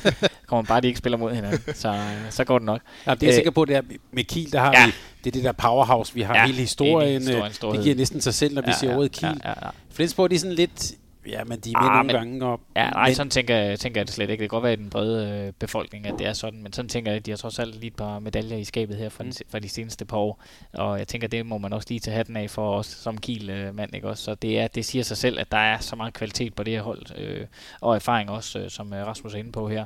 Fantastisk godt at vide, øh, at øh, de med stor sandsynlighed øh, vinder den kamp også, ja. og Rasmus, jeg ved, du har lidt mere statistik. Hvad har du mere? Jamen, jeg har mere masser at tage. Ja. Jamen, jeg synes egentlig, det, det var lidt spændende at kigge på, hvor øh, målene kommer fra øh, på de to hold. Øh, man kan sige, at begge, begge fløjspil, altså venstrefløj og højrefløj på begge hold, det ligger egentlig relativt tæt på hinanden. Men på bagspillerposition, der er faktisk ret stor forskel. Altså Flensborg, de ligger og laver 19,5 mål i snit per kamp øh, på bagspillerposition, mens Aalborg er helt nede på 12 12,5 mål. Og det siger jo lidt om, at, øh, at der er flere skud øh, fra bagkæden øh, i, altså på Flensborg, mens Aalborg jo så øh, på stregpositionen har 5,73 mål øh, per kamp, mens Flensborg er nede på 3. Og der kan man jo sige, at Savstrup han snitter 3,6 per kamp, og der må man jo bare sige, at øh, han er jo en stor faktor i forhold til det. Altså der, det bliver spændende at se, hvordan, øh, hvor meget man kan få Savstrup at spille, både i kontrafasen, men også øh, nede bagved, øh, fordi han er jo rigtig dygtig til at, til at rykke på de her rum nede bag ved, ved Flensborgs øh, tit og- lidt høje toer på nogle, i nogle områder. Øh, blandt andet Jørgen Johannesen vil rigtig gerne lidt op og tage noget initiativ. Så det synes jeg kan, være, kan blive rigtig spændende at se i kampen. Øh, så er det jo altid spændende at kigge lidt på målmandsposten, hvor Flensborg øh, sammenlagt har 32 procent i redninger, og Aalborg er så nede på 30, så det er jo ikke sådan, eller 29,5 er det så. Så det er ikke den, den helt store forskel, men, men Budis ligger på de her 35,6, mens Arkefors til, til samlingen har 30,7 øh, øh, eller 0,8. Så, så det er jo, der, er, der er lidt forskel der. Øh, ja, så det bliver jo også lidt spændende, og så kan man sige, at der er også lidt en kamp i kampen i forhold til, at, at Vanne og Barthold øh, ligger på det her 6, eller 86,36 procent på straffe, øh, hvilket er tredje bedste øh, i turneringen. Øh, Mikkel Hansen er jo et, øh, den bedste i den øh, del, mens Arkefors er anden bedst øh, efter Pettis øh, Di Vargas i hele turneringen med 33,3, som er langt højere end Budic, der er nede på 20, og vi ved jo godt, at de her straffekast, altså det kan virkelig blive afgørende i, i sådan nogle kampe, hvor det er, som Sonny var inde på, 3-4-5 mål, der kan blive afgørende. Så, så det bliver også lidt spændende at se. Øh, der skal selvfølgelig komme nogle straffekast, før det kan blive afgørende, men jeg synes virkelig, at Arkefors øh, er stærk i den del, øh, og også bedre end Budic. Så øh, det, det kan være en fordel for Aalborg. Og Søren, hvis man sidder Stefan Madsen og skriver ned 19,5 øh, skud øh, udefra, eller hvad det var mål, Mål, udefra. mål, ja. ja. Hvad, hvad, hvad gør man så som træner? Åh oh, ja, det er en overvejelse af alle de øh, egne kompetencer, man har, ikke også? Og øh, modstanderens øh, stærke svage sider hele vejen rundt. Vi bliver nødt til at tage det hele i, i kalkyle, ikke også? Altså, der er et hav af faktorer af det straffekastende, vi skal gå med. Skal vi gå længere frem i banen? At det er, det er, en, det er en stor kalkyl, men jeg tror, øh, han overvejer, hvad han har tilgængeligt af materiale først og fremmest. Er alle friske til at spille øh, fuldtid? Det håber man jo, og alle siger jo selvfølgelig ja, når det er en øh, kvartfinale i Champions League, så er det klart sjovt nok den dag. Øh, det kan de godt. Så øh, jeg tror, det bliver overvejelsen. Det er også det er lidt spændende i forhold til, hvor meget han vil. For jeg synes jo egentlig, at Aalborg, altså de er jo mindst lige så brede som Flensborg lige nu, med de skader, Flensborg har. Ja. Og begge hold spiller fem kampe på 14 dage i, i løbet af den her, øh, ja, den her tid. Øh, så jeg synes jo, altså Flensborg spillede så også i dag mod Gøpping, øh, hvor de også så lidt pres ud på mandskab. Så, så øh, Aalborg, altså det ligner jo, at der er, en, der er jo blevet lidt mere en idealopstilling øh, end tidligere, hvor man har spillet lidt mere bredt. Jeg synes jo, at ja. det virker som om, at det er Mølgaard og Clara, som man ligesom går med, og så har Læsø fået lidt mere en jokerrolle, end ja. han tidligere ja, har haft. Enig. Øh, men, men vil man prøve at spille lidt mere bredt, når man så møder et hold, der måske er lidt mere presset på, øh, på mandskab, end, end man selv er, og man spiller de her, altså det er jo trods alt over 120 minutter, det skal afgøres. Så det er faktisk, det synes jeg er rigtig spændende at se på, hvordan man ligesom vil gøre det der. Og, og så Og man- ja, undskyld. Ja, om man vil prøve at pumpe Flensborg, eller om, man vil, om hvad man, man ligesom har tænkt sig. Fordi man, man skal jo ud, som den her underdog man er, og finde en eller anden måde, øh, hvor man kan presse Flensborg på. Og det kunne jo sagtens være på, øh, på, øh, ja, på bredden, fordi jeg, altså, både, både Rød og Jørgen, altså de spiller jo hele tiden næsten, især, især Rød, ikke? og spiller også hele tiden på landsholdet. Altså Berge er jo ikke- heller ikke ret god til at give dem pauser der, så på et eller andet tidspunkt må de jo også være trætte, og det har jo været en, en vanvittig lang sæson, og de er jo også nogle af de spillere, der ligesom kan kigge ind i et OL Øh, så øh, altså, kan man ramme dem på, på et par off days, så er, det jo, så er det jo mere at pumpe dem for kræfter. Altså. Så det er virkelig spændt på at se, hvordan Stefan Madsen og, og Arne Adlersen ligesom har tænkt sig at, at gribe det ind. Og man kan sige, at de har været gode på, på deres kontraspil i uh, sæsonen, og man så det også mod Porto, at de faktisk fik rigtig mange chancer i uh, kontraspillet, og det afgørende bliver så de her scoringer her, om de kan få leveret på den uh, hylde, og det må man uh, gå ud fra, at de arbejder med, og hvordan de skal angribe uh, der i, i en mod en duel. Det tror jeg, der, der er en god plan for, det er faktisk overbevist om. Så helt klart en af den der muligheder, det er øh, kontraspillet, men jeg, jeg tror også, deres, øh, deres våben med 7 mod 6, øh, med, med, med kantscreening rundt om træerne til skud, og de muligheder, der ligger øh, på, på dem, øh, det tror jeg, man vil, vil gå efter for at skyde hen over Jim, der plejer at dække over i den side en, en stor del af tiden. Jeg tror, det, det, det går man efter som en, en del af, af, af løsningen. Det er jeg faktisk overbevist om. De har været gode på det. Mm. Og så også i forhold til bredden, så er det jo en kæmpe fordel, at, at René Antonsen så også er klar igen nu og spillet en hel del øh, i dag mod Skjern, og, og han giver jo ligesom også, han er jo en hård hund defensivt og virkelig, virkelig dygtig i den del, men det, han giver også bare noget bredde, så det er jo også endnu et plus i forhold til at, at gå på, det, øh, på at satse på at spille bredt og, og, og få noget fart ind i kampen, så øh, det synes jeg er rigtig, rigtig positivt for, for Aalborg, for ham synes jeg også, man, man manglede lidt mod, mod Porto. Hvad lærte vi, og hvad lærte Aalborg, og hvad lærte vi om Aalborg i, i, øh, i kampene mod Porto? Jamen det er egentlig, at jeg ved ikke om det er noget, vi lærte, det har, det har de egentlig været gode til i, i hele sæsonen, synes jeg, men, men at de nok skal spille sig frem til chancerne. Det handler om at få, få puttet dem i kassen. Og så synes jeg jo igen, at vi bare blev bekræftet i, jeg ved godt, det var marginaler, men det virker bare som om, at når vi er ude i marginaler, så er Aalborg altså skarpe. Mm. Og, øh, og i, i særdeleshed Mølgaard. Altså Mølgaard var jo virkelig, virkelig vigtig i, i de her kampe, også offensivt, og har fået en endnu større rolle offensivt, end, end han havde i, i starten af sæsonen. Så øh, jeg er jo ingen tvivl om, at, at hvis, hvis Aalborg skal gøre sig forhåbning, så skal vi jo have øh, en, øh, en Mølgaard i fuld vi gør i begge ender af banen. Han er jo, han er jo hjernen øh, bag holdene, og det er jo også, han har også været med til ligesom at give øh, noget tro på tingene, fra han er kommet til Aalborg. Det er jo det, det her med at turde sige, at øh, vi vil i en Final Four som et dansk hold, eller vi vil vinde det hele for, for den sags skyld. Altså, det tror jeg også bare giver noget tro på tingene, øh, og det synes jeg har vist sig i nogle af kampene, at øh, ja, tro flytter bjerge, kan man sige, at, at øh, et, et dansk hold skulle vinde ned i Vestbrem. Det var i hvert fald ikke mange, der havde regnet med for, for et par år siden. Og jeg skulle lige til at sige, nu vi taler om rutine, Henrik Mølgaard. øhm, hvad, hvad, hvad er det, når vi skal sidde og holde øje, hvad er det, han er god til? Ja, men du, øh, øh, nævnt før, Rasmus Alle, øh, statistikkerne for landskamp så videre. Han har været der. Han har været der før på alle de der kampe der. Det er det, han er rigtig god til. Han har erfaring i at stå der. Okay, vi er bagud med to, vi klarer lige, og vi gør sådan her, sådan her, sådan her skyder ikke for hurtigt, holder den lige lidt, siger til Læsø, hvis han skyder for hurtigt, øh, som der nogle gange, øh, og det er ikke for at genere Læsø, men det er bare sådan, det er, ikke også? Mm. At, øh, at det, det handler om erfaring. Han har erfaring, og det er, det er hans største våben lige nu og her. Øh, det er alle de erfaringer, han har defensivt, offensivt, kontra med returløb, øh, dialoger, øh, snak, hjælp, støtte.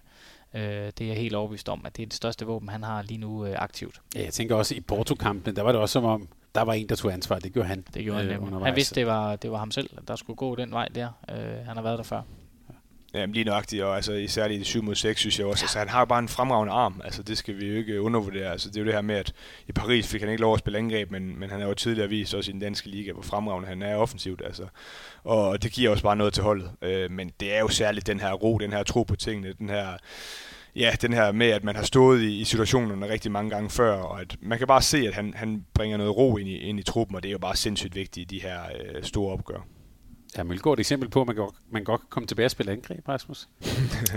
øh, ja, jamen det er han vel sagtens. altså, Hvad spørger du om? det kommer ikke til at ske for mit vedkommende, hvis det er det, du prøver at, at fiske efter. Men, altså, nu har vi talt om højrehændet på, på højre bak. På, ja. Jeg tror, der faktisk er mange forsvarsgeneraler, hvis man kan sige det sådan, der er undervurderet offensivt. Men, øh, men det er en lang snak. Altså, jeg, jeg vil sige, han har jo altid haft det, men han, jeg synes jo, han har gjort det helt rigtige i forhold til, at hvis han skulle helt op på den store hylde, øh, så skulle han jo også tage nogle valg i forhold til, hvor han for alvor øh, har sin spidskompetencer. Det er jo trods alt, øh, uden at forklare ham, stadig defensivt, som jeg ser det. Øh, og så har han jo altid haft det her i, i kontrafasen. Det har vi også set på det danske landshold, at der han, han knivskarp, når han får chancen der. Så, øh, men jeg synes at det er fedt, at han at så relativt tidligt er taget tilbage til den danske liga og har, har formået at skabe noget hype i, i Aalborg, der også har været med til at gøre, at man måske kunne, kunne tiltrække nogle andre spillere, øh, end, end man tidligere har kunne. Så øh, det er bare godt for dansk håndbold. Hvad mangler vi at fortælle lytterne om, når vi taler Flensborg Handevidt og Aalborg? Jamen det, det, jeg synes jo egentlig, vi har været, vi har været godt rundt omkring det, synes du ikke sådan? Jo, jeg er meget enig, meget enig. Det, man skal bare glæde sig jo. Og er det her et, ser det som et åbent opgør? Ja, synes jeg. En lille overhånd til Flensborg, men ja, meget åbent. Ja. Jamen, altså, det er åbent, men jeg, jeg har måske lidt en større overhånd end, end som så. Altså, jeg ser jo stadig, at, at de her knockout-kampe, når det for alvor gælder, så, så tror jeg bare, at Flensborg har lidt, lidt mere, end, end hvad Aalborg har at skyde med, og, og jeg synes også, at øh, altså, målmandsposten, som er så vigtig, der, der ser jeg altså en, en overhånd, øh, selvom jeg synes, Aalborgs målmænd har overrasket rigtig flot og altså, gjort det fremragende den sæson, så synes jeg altså stadig, at, at Flensborg er lidt foran der, og det, det plejer jo bare at blive, blive afgørende. Men, men jeg kan sagtens se Aalborg gøre det, og altså, jeg håber det for dansk håndbold, men, øh, men jeg har stadig sådan Flensborg som relativt klare favoritter det virker næsten også som om historien, eller helt det narrativ der omkring Aalborg, det, det er lige et år for tidligt, eller to år for tidligt. ja. Øh, ja. Man kan sige, at hvis man skal komme med en sjov øh, statistik der, så plejer det jo at være 11, hver 11. år, øh, der er et dansk hold, der kommer i øh, James League med Kolding, og så med AG, og så næste år med Aalborg, så er det hver 11. år, der har været det, så det kan godt være, at der er et eller andet der. Den, den kører vi med, Rasmus. øh, bare lige til sidst, Flensborg, øh, er det i virkeligheden faktisk en farlig outsider til at stå med det hele i kønnen. Ja, det synes jeg da bestemt. Det er jo egentlig mærkeligt nok, man kan sige det, og så de spiller de lige, måske lige op med Aalborg, tænker jeg. Men ja, det er de da, fordi de spiller så effektivt, som de gør. Det, det tænker jeg, der er muligheder. Altså over sådan to kampe i en, ja, en ja, det gjorde Vardar Skopje også. De spillede utrolig ja. smalt, og det er det samme der. Men om de går hele vejen? Nej, det tror jeg ikke. Men øh, ja, outsider, det er de jo. Ja betydning, outsider. Ja, ja. vi snakker jo altid om, der kan jo, vi kan jo ikke rigtig blive ved med at snakke om outsider i Køln, for det plejer altid at være en af dem, man ikke rigtig regner med, ja. som, som, som, tager, øh, som tager titlen. Ikke? Så altså, Flensborg kan, kan lige så godt som, som nogle af de andre hold øh, tage titlen. Det, det tror jeg altså. Ja, de har alt, hvad der skal til, så, øh, og gjort det fremragende her sæson. Altså måske er forventningerne endda for store til dem. Altså de vil ikke være, være sådan helt sindssygt, hvis de lige pludselig gjorde det igen. Så, øh, også med tanke på, på det år, der har været, også for dem, ja. og de er lidt smalle og så videre, så videre. De har godt nok spillet mange kampe, mange ja, af dem bestemt. der, ikke også? Så, så det taler måske ikke for, at det bliver dem. Ja, og har stadig, og det skal vi også huske at nævne, at Bundesligaen kører jo for fuld hammer ja, og, ja. og, er blevet, ud, altså er blevet øh, forsinket og skal spille længere tid der og sådan noget, så der bliver ikke nogen pauser. Det er ikke sådan, at de lige kan få et afbræk og så bruge et par uger til at gøre sig klar til, øh, til Final Four, ligesom nogle af de andre hold eksempelvis måske kan, som Barcelona, der ligesom har afgjort det i deres, og Vestbrem, hvis de når videre også øh, øh, ja, har, har flere af de nemme kampe i deres liga, så der er jo en, en fordel der måske. Men man kan sige klart også, at fordelen er også for Flensborg set med de øjne, at man faktisk holder sig i form jo, mm. Holder sig i gang, fordi der findes der ikke noget mere surt end sådan en øh, op- opstartsfase der øh, til et eller andet øh, lille stævne, der hedder Final Four. det er det er da hårdt, øh, tror jeg. Sådan. Det er da fedt at spille nogle kampe, hvor man er på, øh, men det er bare en anden form. Altså påskekop i køllen. Ja. påskekop i køllen, akkurat. Vi mangler en kamp, øh, og det er jo her, hvor vi kommer ind på, på Rasmus' øh, favoritter, nemlig øh, Vestprem mod franske Nantes. Øh, jeg tænker, vi skal ikke starte med Rasmus her, så nu starter vi med Sonny. Øh, men Vestpræn er jo måske ikke helt det samme djævel som hos øh, PSG, men de jagter jo også et, øh, et trofæ. Er det i år, de får det? Øh, det er godt bud. Øh, det kunne de godt have, øh, muligheden for, ligesom alle de andre hold har. det var sådan meget diplomatisk øh, svar.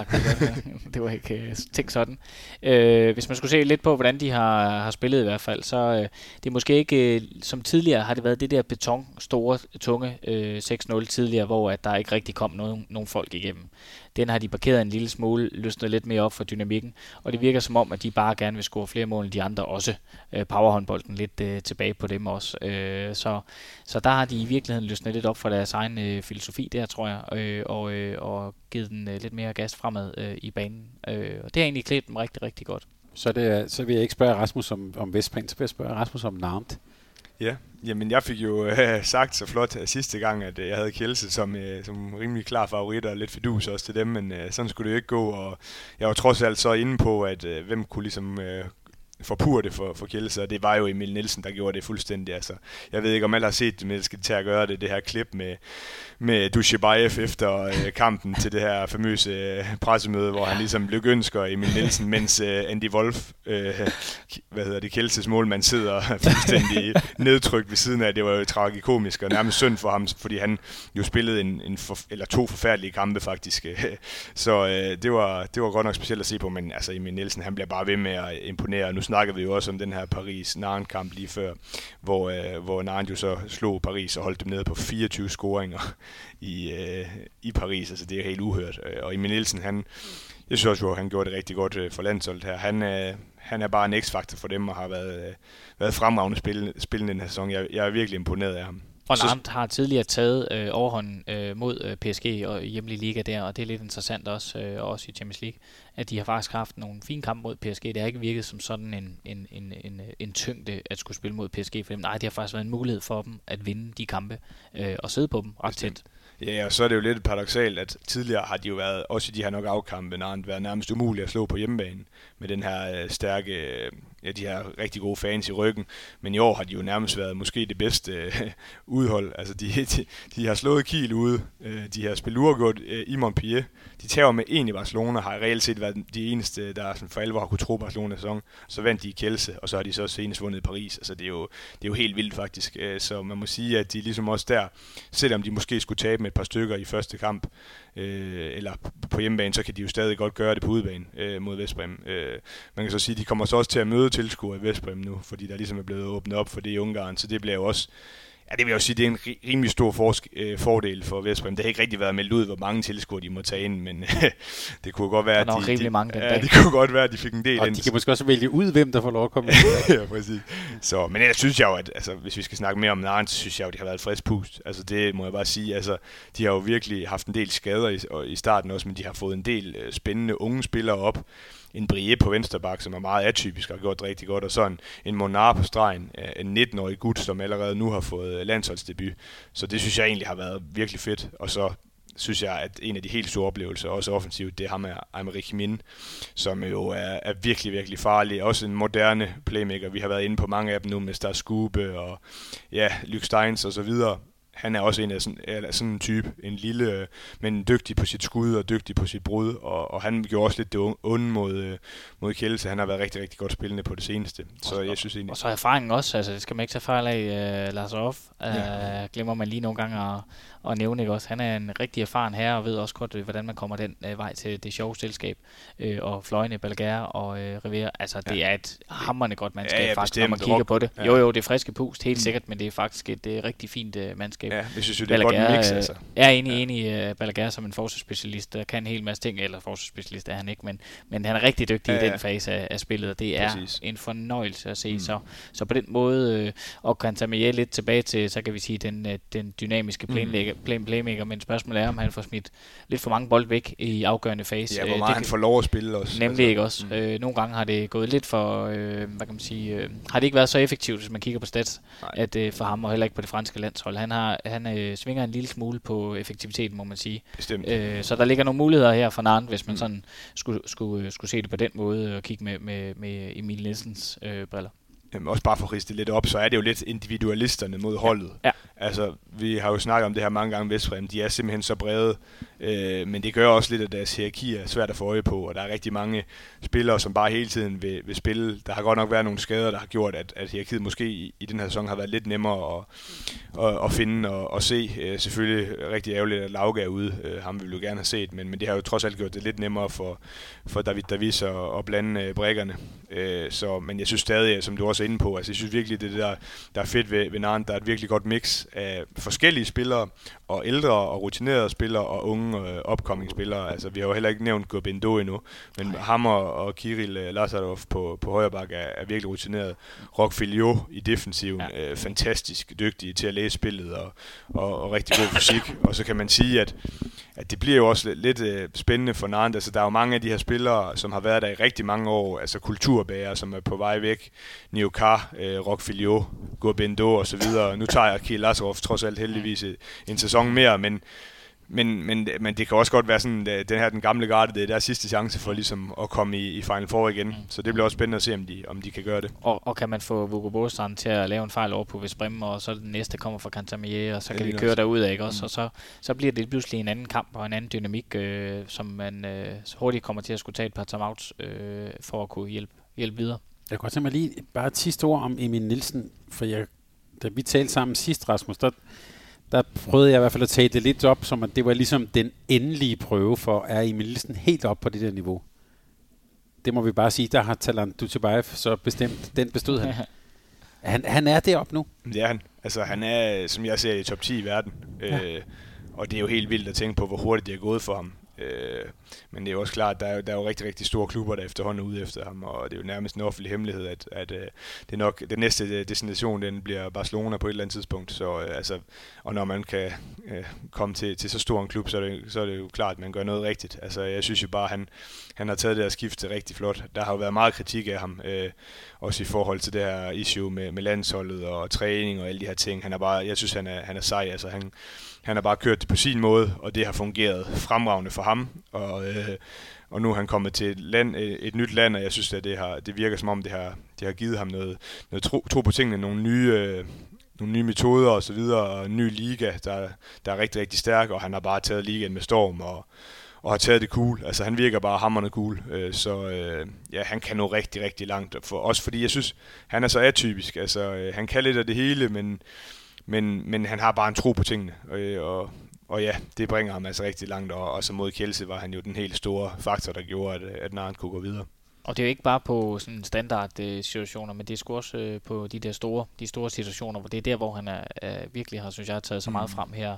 Det så man også i Skjern i perioder, mm. øh, virkelig de store situationer, og det har bare lige fået et niveau op, op over igen. Jeg kunne godt tænke mig, at I sagde en lille smule mere om det der med individualisterne mod holdet. Hvad er det, der skal lykkes så for individualisterne, hvis de skal se sig selv i kølen?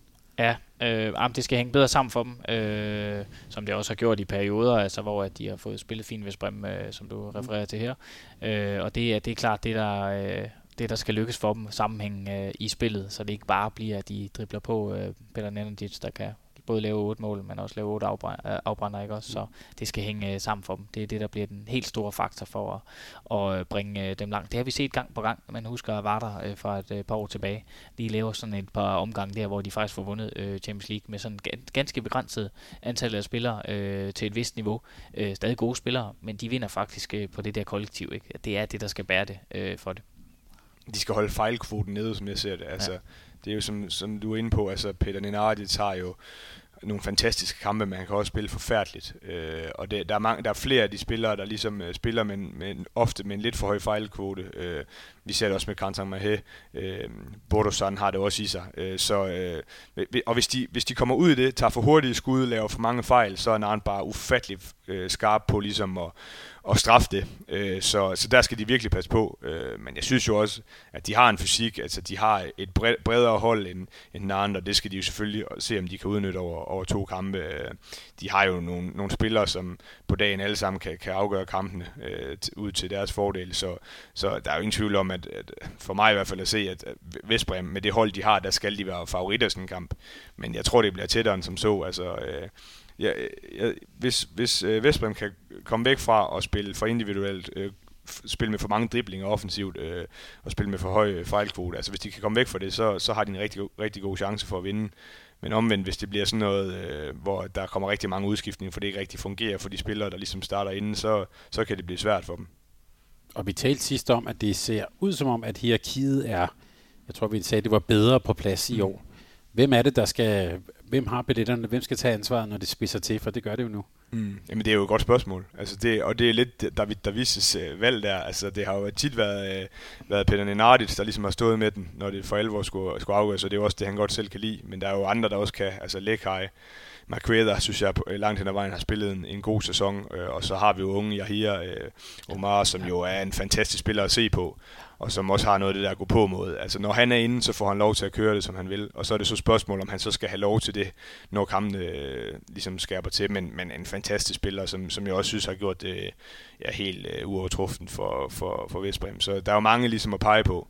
Øh, men altså, hvis jeg skulle pege på en, som jeg ligesom tror, der kommer til at stå mig ansvar, jeg synes vi har set det i nogle af de her Champions League-kampe, nogle af de her kampe mod, mod Sækket i, i den ungarske liga, at der er det nok Nenadit, der ligesom øh, har den rolle, øh, og som godt kan lide at have den rolle, øh, som det ser ud lige nu her. Jeg er meget enig. Og så øh, man kan på, øh, på bakken i faser på en stor del af forsvaret øh, så meget som muligt, og, mm. og, øh, og resten af tiden øh, falder til den anden øh, venstre hånd. Så. Ja, så man må sige, altså Andreas Nielsen, for, altså, jeg synes jo, han er en fantastisk øh, offensiv spiller, som virkelig også skaber noget rum til de her backs, øh, som er gode på deres skud. Altså du kan jo ikke bare, bare øh, fare frem på, på nogle af dem, fordi så bliver der så meget plads øh, ned til ham. Så, så han bliver også rigtig, rigtig vigtig for, for offensiven for Vestman. Det er stykket. Ja. Øh, jeg kan sige, at min forberedelse var inde og tjekke på EHF's hjemmeside. Der har de der står stadigvæk Apat Sterpik og Laszlo Notch, hvis de, ja, men hvis det er de, rigtigt. hvis, hvis jo- de mangler lidt bredde. ja, det er jo meget sejt at kunne hive dem ind, hvis det skulle gå helt galt, men jeg tænker ikke lige Vestbrem med det hold, der, der mangler bredde. Jeg synes, I to har været øh, ufatteligt enige i løbet af aftenen. Ja, det er jo kedeligt. Så nu til sidst her må vi finde ud af, hvad er I så hvad er I uenige om egentlig? Ja, det ved jeg ikke. Altså, vi er jo i hvert fald uenige om at holde med Kiel, jo. Det har vi jo fundet ud af.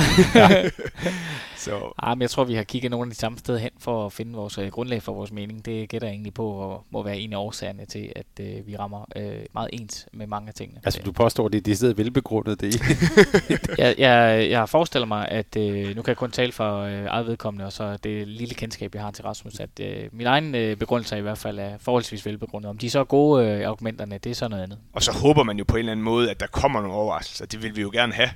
Altså, det, det, det er jo altid sjovt, at der, altså, men jeg har bare svært ved at se de helt store overraskelser. Altså, jeg tror ikke på Brest, det må jeg så sige, og det vil jo være den helt store overraskelse. Og så må man sige, de, de, de tre andre opgør, altså det er jo heller ikke sådan, at det vil være en kæmpe overraskelse, uanset hvem der ligesom øh, vil gå med den. Øh, så, men altså, det kunne da være sjovt, hvis Aalborg gik i, i den Final Four. Altså, Ja, det, synes det drømmer du om som Ja, dansker øh, med, med, med danske klubøjne. Så er det der outstanding godt, øh, og det vil øh, hjælpe en del på, øh, på ranglisterne osv. osv. Det vil bringe os rigtig, rigtig godt øh, langt. Så jo, jo, drømmene er der be, bestemt, og der er muligheder. Og det bliver jo seværdige kampe, uanset hvad øh, de her, der bliver smæk på de her kampe her, øh, så man skal virkelig øh, følge godt med, tænker jeg. Det, der, det, der også er fedt, øh, lige præcis ved det her, det er jo så, at nu skal vi ikke sidde og se to eller tre kampe samtidig. Altså mm. nu Mhm. bliver det jo så, øh, fordi sådan var det jo lidt i, øh, i 8. finalerne, hvor der var se- selvfølgelig rigtig mange kampe, og de blev spillet på samme dag og så videre, og på samme tidspunkter. Nu kan man sidde og fordybe sig i, i en kamp ad gangen. Det, det glæder jeg mig i hvert fald til. Mm. Ja, det bliver, det bliver rigtig god underholdning sådan en aften der. Rasmus er jo kendt for at have mange skærme i, i gang øh, på en og samme tid. Øhm, så vil jeg så lige, hvis jeg ved ikke, om vi kan bringe et uenighed, men så vil jeg så lige til Tine et- komme med en påstand her til sidst. Jeg synes jo, at de senere år, og måske også den her sæson, faktisk har været nogle af de mest øh, interessante, seværdige, jævnbyrdige, spændende runder i Champions League. Der er mange hold, altså Kielse ryger ud ret tidligt. Super godt hold. Øh, er, det, øh, er vi inde i en form for, ja, guld eller måske for meget sagt, men er det rigtig sjovt at se Champions League nu? Ej, jeg er meget enig med dig i. Jeg, jeg, jeg synes også, øh, måske lidt modsat Rasmus der, at, øh, at der har faktisk været mange gode øh, kampe at se øh, indledningsvis. Øh, jeg har været stor fan. Øh, jeg ved godt, det gør lidt en forskel, øh, det der med, at øh, stemningen for tilskuerne, den er der ikke lige. Men for sådan en håndboldtrost som mig, så, øh, så er jeg faktisk helt vild med det alligevel. Jo, men jeg er også vild med altså, håndbold. det skal da ikke komme an på det. Men jeg tror bare, at, øh, ja, at øh, jamen, det har vi jo været inde på. Men, men i hvert fald, øh, så synes jeg da, at, at der kommer flere og flere hold, der ligesom har ambitioner om at komme i, øh, i en Final Four. Og det er jo rigtig godt. Altså nu har vi jo Aalborg. Men vi har jo også Meskov Brest, der har det som ambition øh, at gå i Final Four på et tidspunkt. Og, og vi skal heller ikke huske Pik Sikkert, som har haft en rigtig hård sæson. Altså, de kommer jo også. Altså, så der kommer jo til at være en øh, 10-11 hold, der har Ja. en ambition om at, øh, altså ud af 16 om at gå i Final Four. Ikke? Det er jo fuldstændig fantastisk, kan ja, man sige. Så fantastisk godt. jeg synes jo egentlig, vi har set, at, at der er blevet mere og mere jævnbyrdighed øh, i forhold til øh, nogle af de der subtophold. Øh, så må jeg så sige, at det lag, der så kommer lidt efter, der har det så også bare bevist sig øh, i det her år, at der er virkelig, virkelig langt fra Zagreb og Selje og Elverum og øh, de der hold. Øh, de, de har virkelig, virkelig langt op, og de får også længere op fremadrettet, tror jeg desværre. Ja, og fuldstændig enig. Ja, så man må sige 10-11 hold, der, der kan gå hele vejen, og så dem, der går under der, de, de har det rigtig, rigtig svært og får nogle gig, øh, gevaldige øretæver, desværre. Men, men det er da fedt, at der er så mange hold, der, der virkelig går ind for at komme ind Final Four, øh, og særligt fedt, at vi så også har et dansk hold, der, ja, hvor det går den vej. Og det er jo faktisk lidt skuffende med Pik Sikkert, synes jeg. Ja, ja, Øh, de har virkelig år på år faktisk sagt, nu, nu er det i år, og så alligevel så, ah, så er jeg ikke helt, og så jeg ved jeg godt, der er andre yderomstændigheder, der Ja, også der har gjort yderomstændigheder, som har ja. gjort det virkelig svært i år. Ja. Øh, men men, men øh, jeg havde virkelig håbet lidt på dem faktisk, ja. Ja. det vil jeg ærligt sige, at de og kom langt. det, det tror jeg, det er et spørgsmål om tid, før vi får set dem i, øh, i en Final Four. Nu Ja, får de også, også. Ja, nu får de også helt ny hal i forbindelse med EM i 2022 øh, til 8.000, og der er jo altså en virkelig, virkelig fed by. Nu har jeg haft fornøjelsen af at spille i Pixække de sidste sæson, og altså, det, det er virkelig en håndboldby, og det er, der er virkelig en stor økonomi også, og, og en fantastisk træner, så det tror jeg er et spørgsmål om tid, før vi får set dem i Final tror, Four. også, tror også, og den der med økonomien, det betyder bare, det er det, der mm. Definerer den uh, top, uh, som der også har været tidligere med, med, med Mediano, ikke? Øh, med et oplag omkring uh, det med økonomien definerer Mm. uh, niveauet. Det glæder vi os til at følge, både øh, de kommende sæsoner og Aalborg, men i den grad også de her, øh, de her kvartfinaler. Tak fordi I ville være med begge to. Det var en fornøjelse. Jeg sidder med en fornemmelse af, at det var meget godt, at vi mødtes fysisk. Der var god energi. Det skal I have tak til. tak for begge to. Selv tak. Og så vil vi ønske jer og lytterne en, nogle fantastiske kampe, når vi, når vi kommer så langt. Øh, og så må du hilse Elias, når du ser ham. Tak, skal jeg gøre. Tak fordi du lyttede til en podcast af Mediano Håndbold.